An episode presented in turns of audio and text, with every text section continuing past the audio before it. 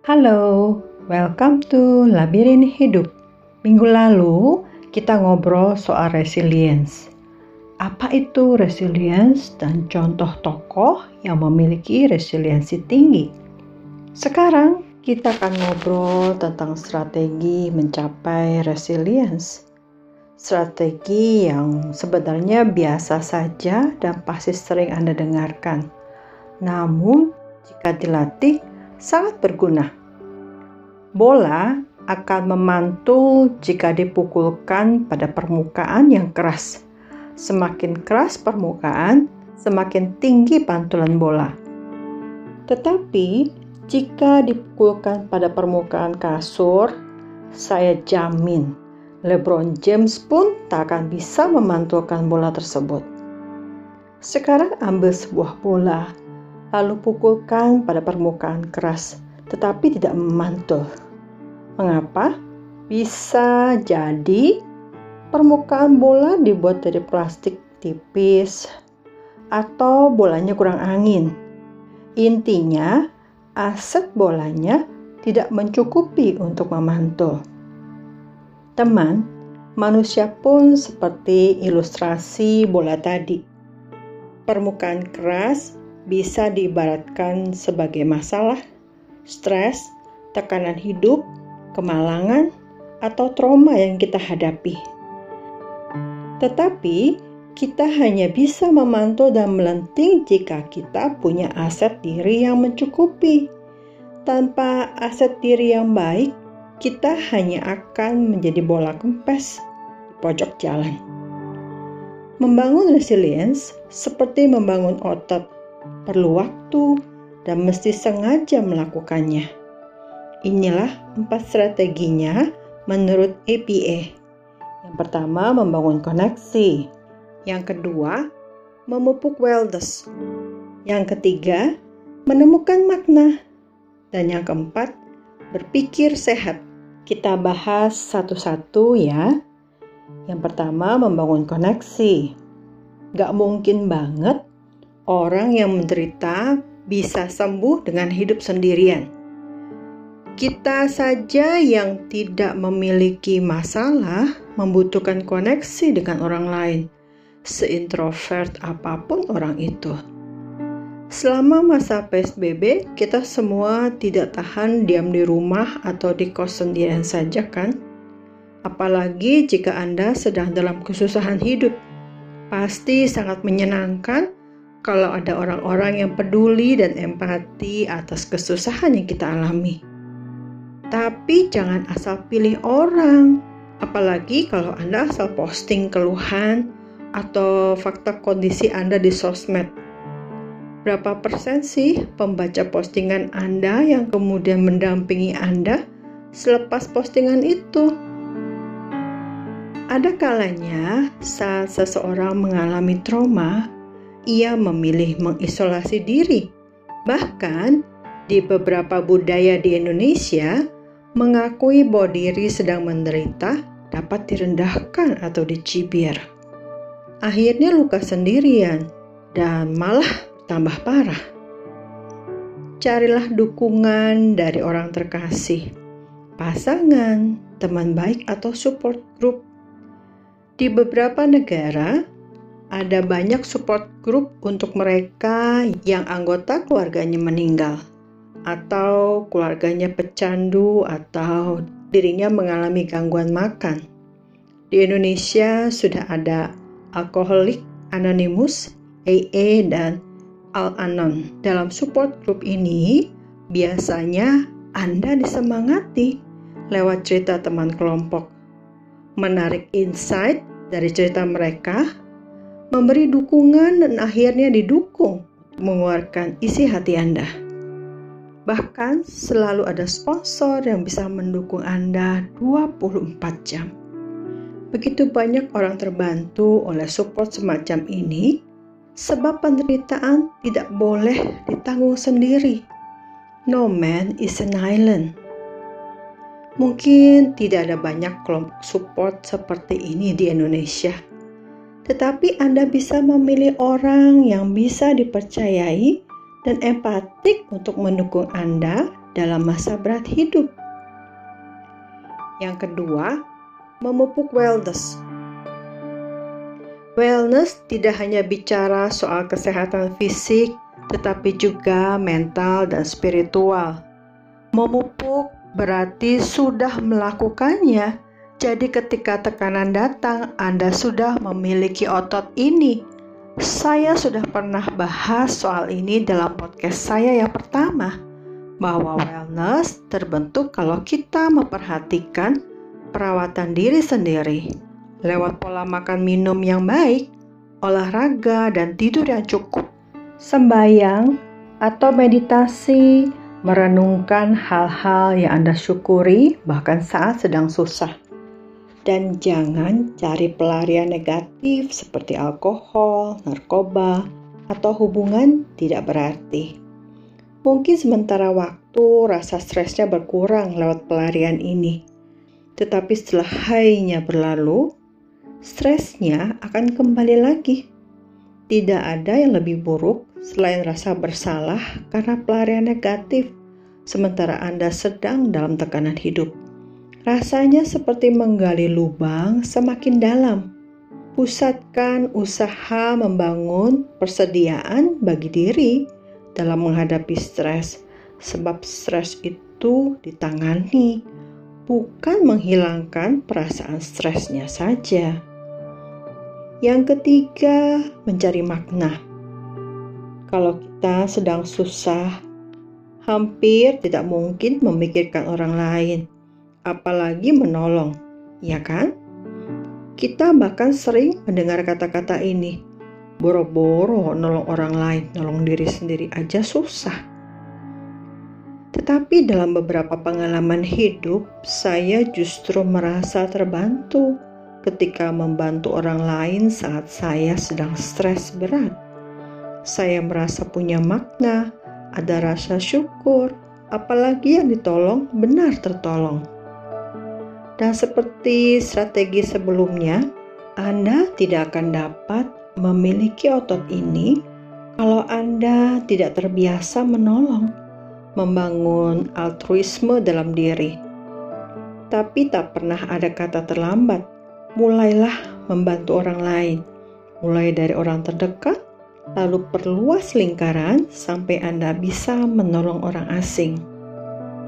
Selain menolong orang lain, mencari makna bisa dilakukan lakukan kalau Anda tidak diam saja menghadapi kesulitan hidup. Misalnya, kalau Anda di PHK, perkuat keterampilan Anda supaya CV Anda juga punya bobot lebih baik. Dua minggu lalu, saya mengunjungi sebuah gerai perlengkapan dari Jepang. Gerai ini akan tutup selamanya di Indonesia. Gerai yang saya datangi di suatu mall sudah dalam keadaan hampir kosong, hanya tersisa alat tulis. Sekedar ingin kenang-kenangan, saya membeli notepad. Saat sedang membayar, saya ngobrol sedikit dengan kasirnya. Ternyata dia adalah manajer dari gerai tersebut dan hanya sedikit saja pegawai yang tersisa. Saya tanya, apakah dia di PHK juga? Ia mengiyakan. Saya tanya lagi, apakah dia sudah punya pekerjaan baru. Ternyata dia belum melamar ke mana pun. Saya penasaran lagi. Saya tanya, kenapa? Jawabannya membuat saya terharu. Dia menjawab, saya selesaikan semua dulu di sini sampai semuanya beres. Baru saya mencari pekerjaan baru. Manajer itu begitu bertanggung jawab tanpa terlihat sedikit pun kekecewaan atas nasibnya. Kalau saya punya perusahaan, saya akan mempekerjakan dirinya. Tidak ada alasan buat dia untuk tetap tinggal di perusahaan yang sudah pasti mem-PHK, apalagi dia sekarang merangkap pekerjaannya sebagai kasir, sebagai stokis, jadi semua dirangkap mungkin ada banyak orang juga yang kemudian ah kalau sudah dibayar saya punya pesangon sudah pasti nasib saya jelek ngapain saya stay di perusahaan itu Tapi orang ini tidak begitu. Semoga segera bekerja kembali ya Pak. Coba renungkan dalam kesulitan yang sedang Anda hadapi ini. Apa yang Anda peroleh? Rasanya terlalu fatalistis kalau kita berpikir kesulitan ada begitu saja tanpa alasan. Hidup jadi sia-sia. Seorang teman menjadi lebih religius dalam kesulitannya. Teman yang lain menjadi lebih sabar dan teman saya lainnya justru bertambah ulet, kreatif sampai berhasil dalam usahanya. Jangan kehilangan diri Anda selama masa kesulitan. Seorang teman sedang dalam proses bercerai. Mereka sedang konseling saat ini. Namun mereka sampai kepada titik ini karena keduanya kehilangan diri mereka dan terus-menerus saling menyalahkan dan tidak melihat ada kebaikan dalam hubungan itu. Sayang sekali yang keempat, rangkul pikiran sehat. Pikiran Anda menentukan apa yang Anda rasakan dan seberapa resilient Anda dalam menghadapi tekanan. Coba dong sortir pikiran Anda supaya jangan malah menyabotase Anda. Seringkali pikiran kita membuat masalah yang kita hadapi berlipat-lipat derajat kesulitannya atau melebar ke mana-mana. Ada sebuah contoh. Seorang istri curiga suaminya selingkuh sebab setiap hari pulang telat belakangan ini. Suaminya hanya bilang, ada kerjaan jika ditanya. Ia akhirnya menjadi marah dan menuduh suaminya selingkuh ia bahkan kemudian pergi dari rumah mereka. Ternyata suaminya sedang ditantang oleh bosnya untuk membuktikan diri lewat suatu proyek. Kalau tidak berhasil, ia harus mengundurkan diri. Suaminya tidak bercerita karena tidak ingin membuat istrinya cemas. Pikiran bisa menipu Anda jadi sebelum Anda bertindak, tantang pikiran Anda itu. Keadaan mungkin memberatkan Anda, tetapi Anda punya kekuasaan. Anda punya kemampuan bagaimana cara menanggapinya. Selain itu, kita mesti sadar bahwa kita selalu akan mengalami perubahan. So, terima saja seperti doa serenity ini. Ya Tuhan, anugerahkanlah kepadaku kedamaian untuk menerima hal-hal yang tidak dapat aku ubah, keberanian untuk mengubah hal-hal yang dapat kuubah, dan kebijaksanaan untuk mengetahui perbedaannya. Kita pasti tahu peribahasa keledai tidak akan terprosok ke lubang yang sama dua kali. Kalau Anda masih ingat ya, peribahasa ini sebenarnya bicara soal introspeksi. Apa sih yang bisa dipelajari dari pengalaman masa lalu? Dengan introspeksi, Anda tahu apakah yang seharusnya dilakukan dan bagaimana menghadapi masalah lebih efektif di masa depan. Jika sekarang Anda sedang dalam kesulitan, coba renungkan sebentar apa yang akan Anda bawa sebagai pelajaran di masa depan. Dan tahukah Anda, dalam berbagai wawancara pekerjaan, pertanyaan tentang apa yang Anda pelajari ketika menghadapi masalah di masa lalu bisa menjadi penentu Anda diterima perusahaan itu atau tidak. Satu hal menarik dari strategi pertama, koneksi sosial. Anda kadang tidak perlu mengalami sendiri pengalaman tertentu. Lewat interaksi sosial, kita bisa belajar dari pengalaman orang lain. Terakhir, dalam menjaga pikiran yang sehat, jangan berpikir Anda adalah korban. Anda adalah penyintas, survivor, saya pasti akan mampu melewati kesulitan ini. akan saya buktikan.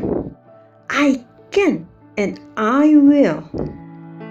Pola pikir seperti ini akan membantu Anda mencari jalan keluar dan tetap positif. Untuk memantul dari kesulitan, menjadi lebih resilient, lakukan strategi yang tadi ya. Saya ulang poinnya sedikit. Yang pertama, membangun koneksi. Di dalam membangun koneksi, perkuatlah relasi sosial yang bermakna. Jangan mengisolasi diri, bergabunglah dengan support group, atau miliki orang yang mendukung dan empati terhadap Anda. Yang kedua, memupuk wellness. Dalam memupuk wellness, Anda merawat diri Anda, makan minum sehat, olahraga dan tidur cukup. Tidak memilih pelarian negatif, sembahyang atau meditasi dan bersyukur. Yang ketiga, mencari makna. Untuk mencari makna, Anda perlu mengulurkan tangan menolong orang lain, memperkuat keterampilan Anda selama masa sukar, bukan malah menjadi pribadi yang melempem. Dan jangan kehilangan jati diri Anda yang murni. Dan terakhir, dalam merangkul pikiran yang sehat, sortir pikiran, pilih yang positif, tantang setiap pikiran Anda. Jangan terbawa pikiran yang bermacam-macam. Terimalah perubahan, hidup adalah perubahan. Anda juga melakukan introspeksi supaya belajar dari masa lalu. Dan ingat, Anda penyintas, bukan korban. Selamat membangun otot resiliensi Anda. Jumat minggu depan, kita akan membahas tentang insecurity. Jangan lupa tune in ya. Sementara itu, slow down, take a breath, enjoy the journey. Thanks for listening. Saya Novilasi Solistio.